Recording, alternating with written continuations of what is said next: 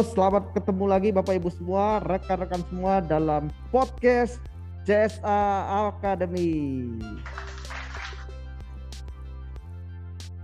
Ya, pada eh, kali ini saya akan membahas tentang bagaimana memanaging partner and expectation. Bersama saya Anung Prakoso dan inilah dia series dari Organization Development yaitu mencari yang terhilang dari kemaksimalan organisasi kita.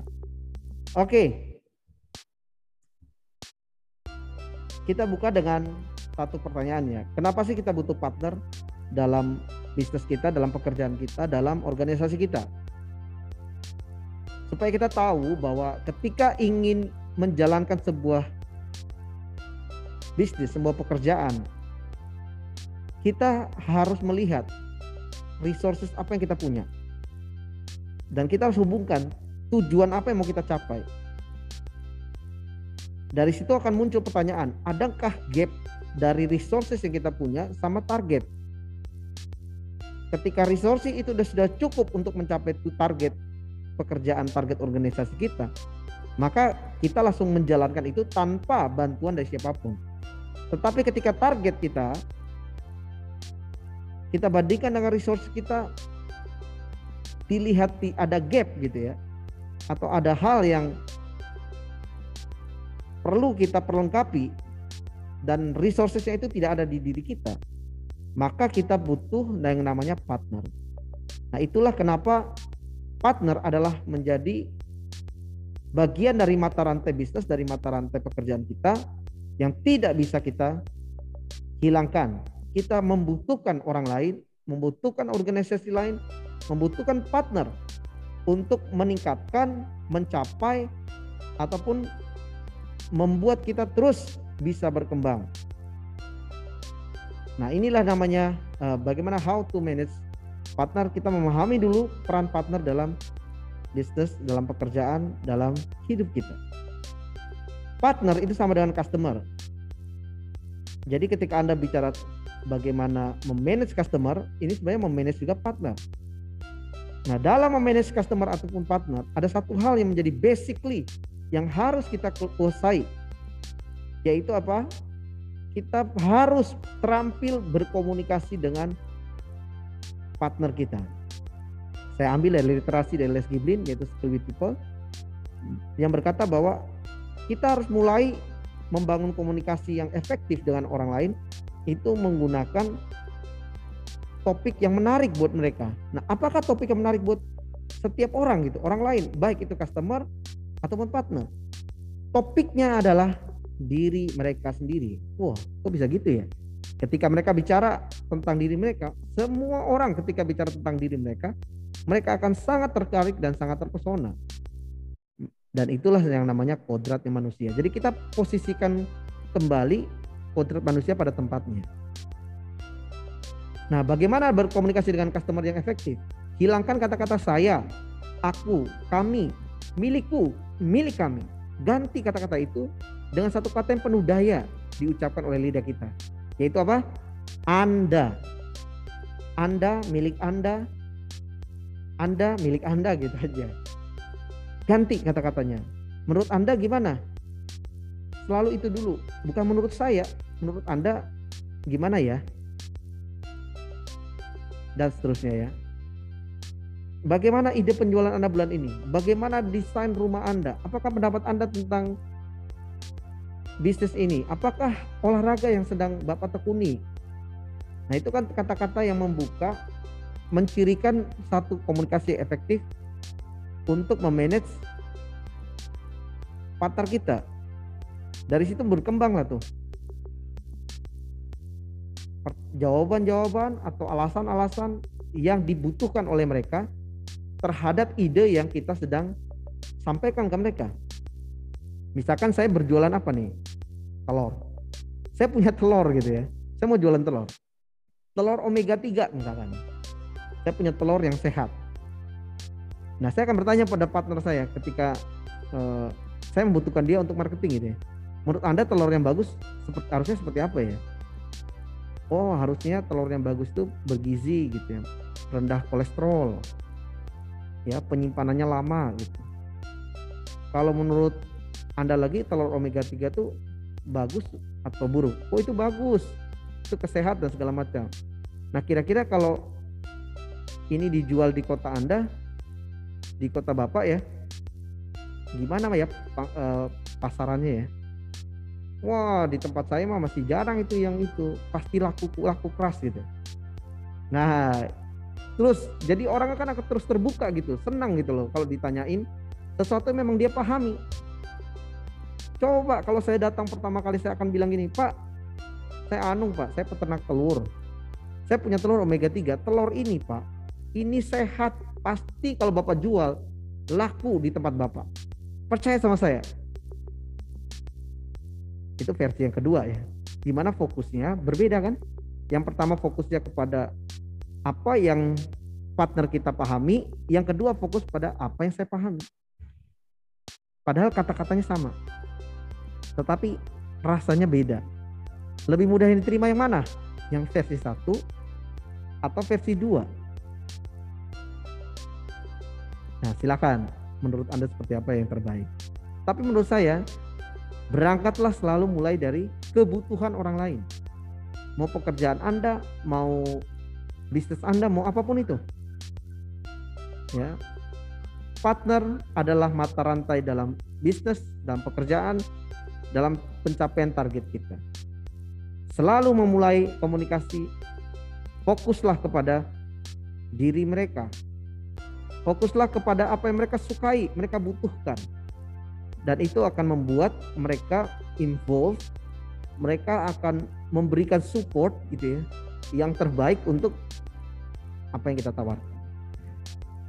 Nah, di era-era sekarang ini berkembang namanya sharing economic. Saya sudah share apa sih sharing ekonomi? Sharing ekonomi adalah model ekonomi yang sering didefinisikan sebagai aktivitas berbasis peer-to-peer untuk memperoleh menyediakan berbagai akses ke barang dan jasa yang difasilitasi oleh platform online berbasis komunitas. Nah ini sudah kita lihat ya. Kalau Anda mau tahu apa sih sharing ekonomi?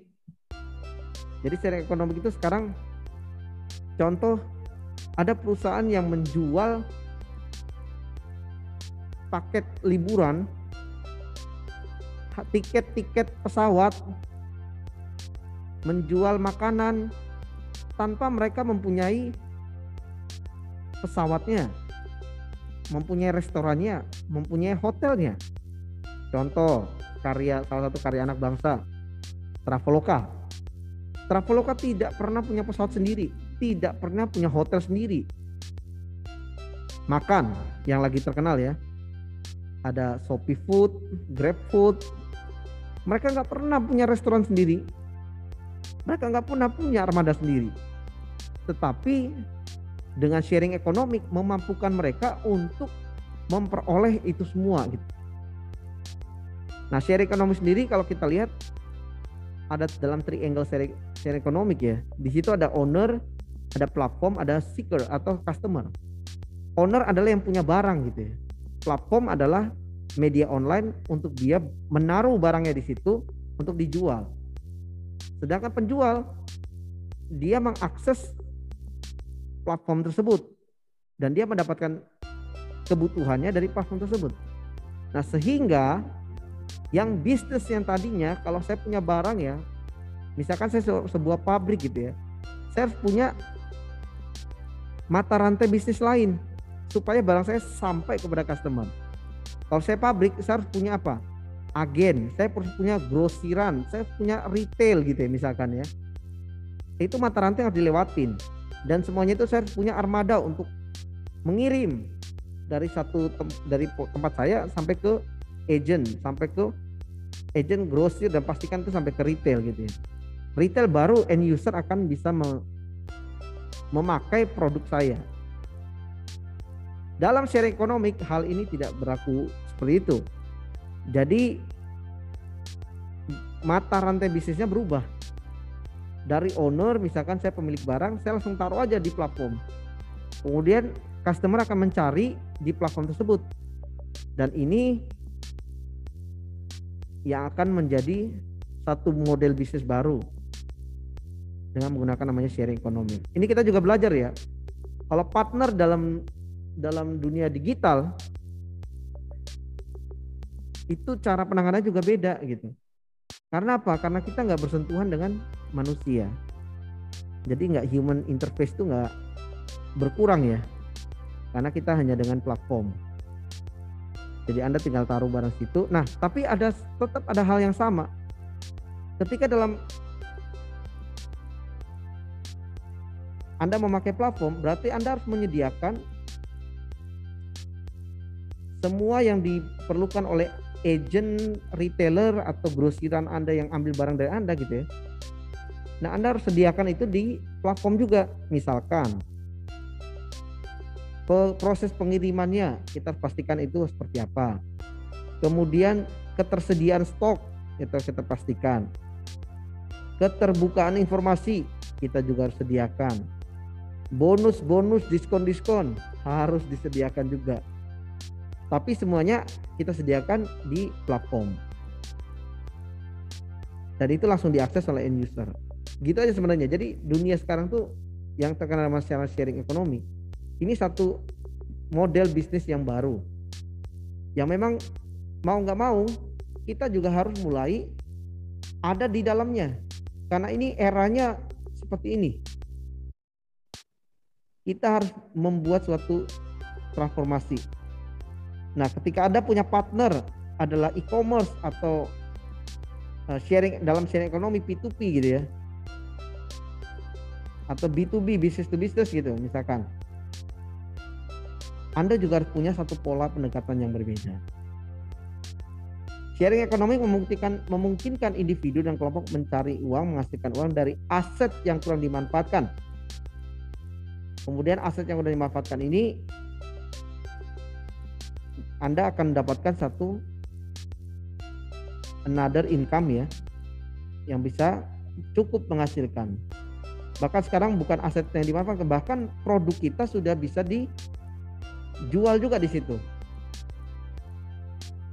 Dalam e-commerce banyak sekali, terutama uh, dalam bisnis apa ya, dalam fashion, kemudian elektronik itu sangat bisa dilakukan di sharing ekonomi seperti ini. Dalam sharing ekonomi yang perlu kita tahu, partner itu butuh yang namanya apa? Pertama adalah kepercayaan, kedua adalah legalitas, dan yang ketiga adalah transparansi. Nah, dari ketiga hal ini, ini adalah hal yang penting ketika Anda mau berpartner menggunakan sharing ekonomi karena apa? Karena platform juga membutuhkan ketiga hal ini. Anda harus menaruh informasi-informasi yang meningkatkan kepercayaan publik terhadap store Anda, terhadap bisnis Anda. Ada proses legalitas yang jelas. Semakin legal Anda, semakin nyaman orang berbicara, berbelanja dengan kita, bertransaksi, berbisnis dengan kita. Kemudian ada transparansi. Di sini sangat penting sekali. Ini satu yang baru ketika di dunia uh, di dunia sharing ekonomi transparansi ini adalah kunci. Jadi kalau anda nggak transparan maka dengan cepat bisnis yang sudah anda bangun juga dengan cepat akan runtuhnya dengan cepat juga. Jadi tiga hal ini perlu menjadi hal yang anda perlu ketahui dalam anda berbisnis menggunakan namanya sharing ekonomi. Itu tadi bagaimana memanage partner kita di era sekarang ini Berikutnya adalah bagaimana mengelola ekspektasi. Nah, dalam mengelola ekspektasi kita bagikan ada uh, dua area. Yang pertama adalah ketika Anda mengelola ekspektasi dari partner Anda, Anda harus melihat yang pertama adalah satisfaction factor. Ini faktor yang pertama. Jadi faktor kenyamanan. Yang kedua adalah faktor emotional factor emotional impact factor. Ini yang kedua. Jadi satu kenyamanan, yang kedua kalau emotional partner ini berbicara tentang apa? Berbicara bagaimana upgrade-nya daripada hanya sekedar kenyamanan, tapi sudah bicara kepercayaan. Jadi kalau satisfaction factor bicara kenyamanan, maka emotional impact factor bicara kepercayaan.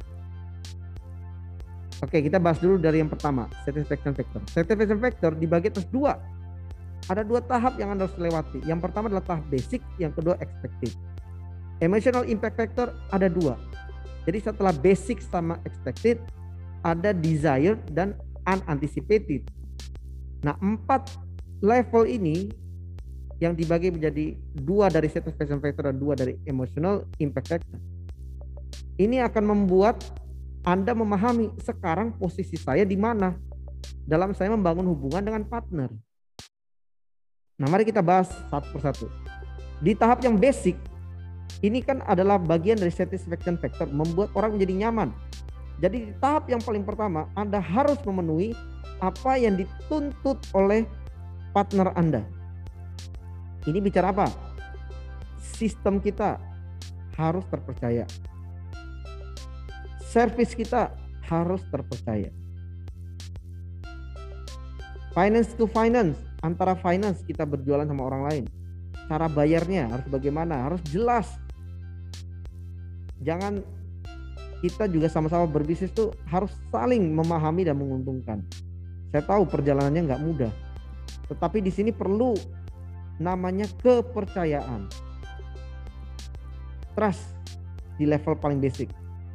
Ini yang dituntut oleh partner kita. Ada basic service-nya, sistemnya harus tersistem yang jelas. Kemudian dengan apa? Bisa mengakses, jadi saling mengakses akses poinnya itu yang harus jelas. Ini yang dituntut oleh eh, partner kita gitu. Kalau kita tidak punya sistem yang jelas, maka siapa pun akan mungkin tidak tertarik berbisnis sama kita. Cara kita ber, mengelola sebuah kerjasama gitu ya, kita harus punya sistem yang terstruktur, yang jelas ada SOP-nya, ada orang-orang yang terpercaya yang menjalankannya. Kemudian ketika berbisnis sama orang juga kita harus lihat cara, misalkan cara bayarnya gimana. Misalkan dia ada TOP 30 hari gitu misalkan. Kalau kita 45 hari. Nah ini kan harus didiskusiin. Supaya tetap menjaga namanya tuntutan dari partner kita. Sama-sama menjaga sebuah kepercayaan. Kemudian service. Anda juga harus punya service yang terstandar. Jangan sampai hari ini A, besoknya D, T, U, V. Yang macam-macam yang lainnya. Tapi cara menservisnya Anda punya satu service yang sama. Menangani sebuah invoice gitu misalkan. Invoice masuk berapa hari harus segera kita jawab.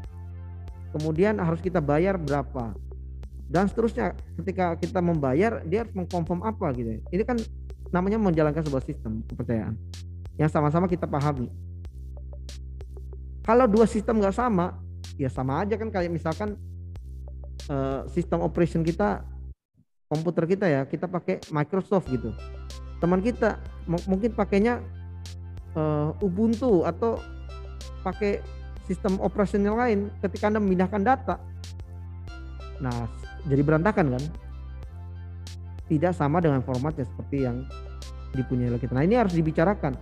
Sistem itu mengatur satu bahasa, satu frase yang sama. Nah yang kedua adalah expected. Ini juga masih di satisfaction membuat orang partner kita menjadi nyaman. Expected adalah apa yang diharapkan oleh customer, oleh partner kita. Itu yang kita harus penuhin juga. Misalkan apa? Produk-produk kita yang banyak supaya mereka juga semakin mudah uh, atau mereka punya produk yang banyak dan kita punya sumber daya yang banyak juga untuk menjualnya kalau kita sebagai tenaga penjualnya berpartner dengan orang yang punya barang gitu ya atau kalau kita yang punya barang kita harus pastikan barang kita tuh mudah di distribusikan dan kita punya cara standar service dalam memberikan eh, barang kita gitu ya. Barang-barang kita juga punya standar QC yang teruji gitu. Kemudahan bertransaksi dengan kita. Kita mau pakai apa?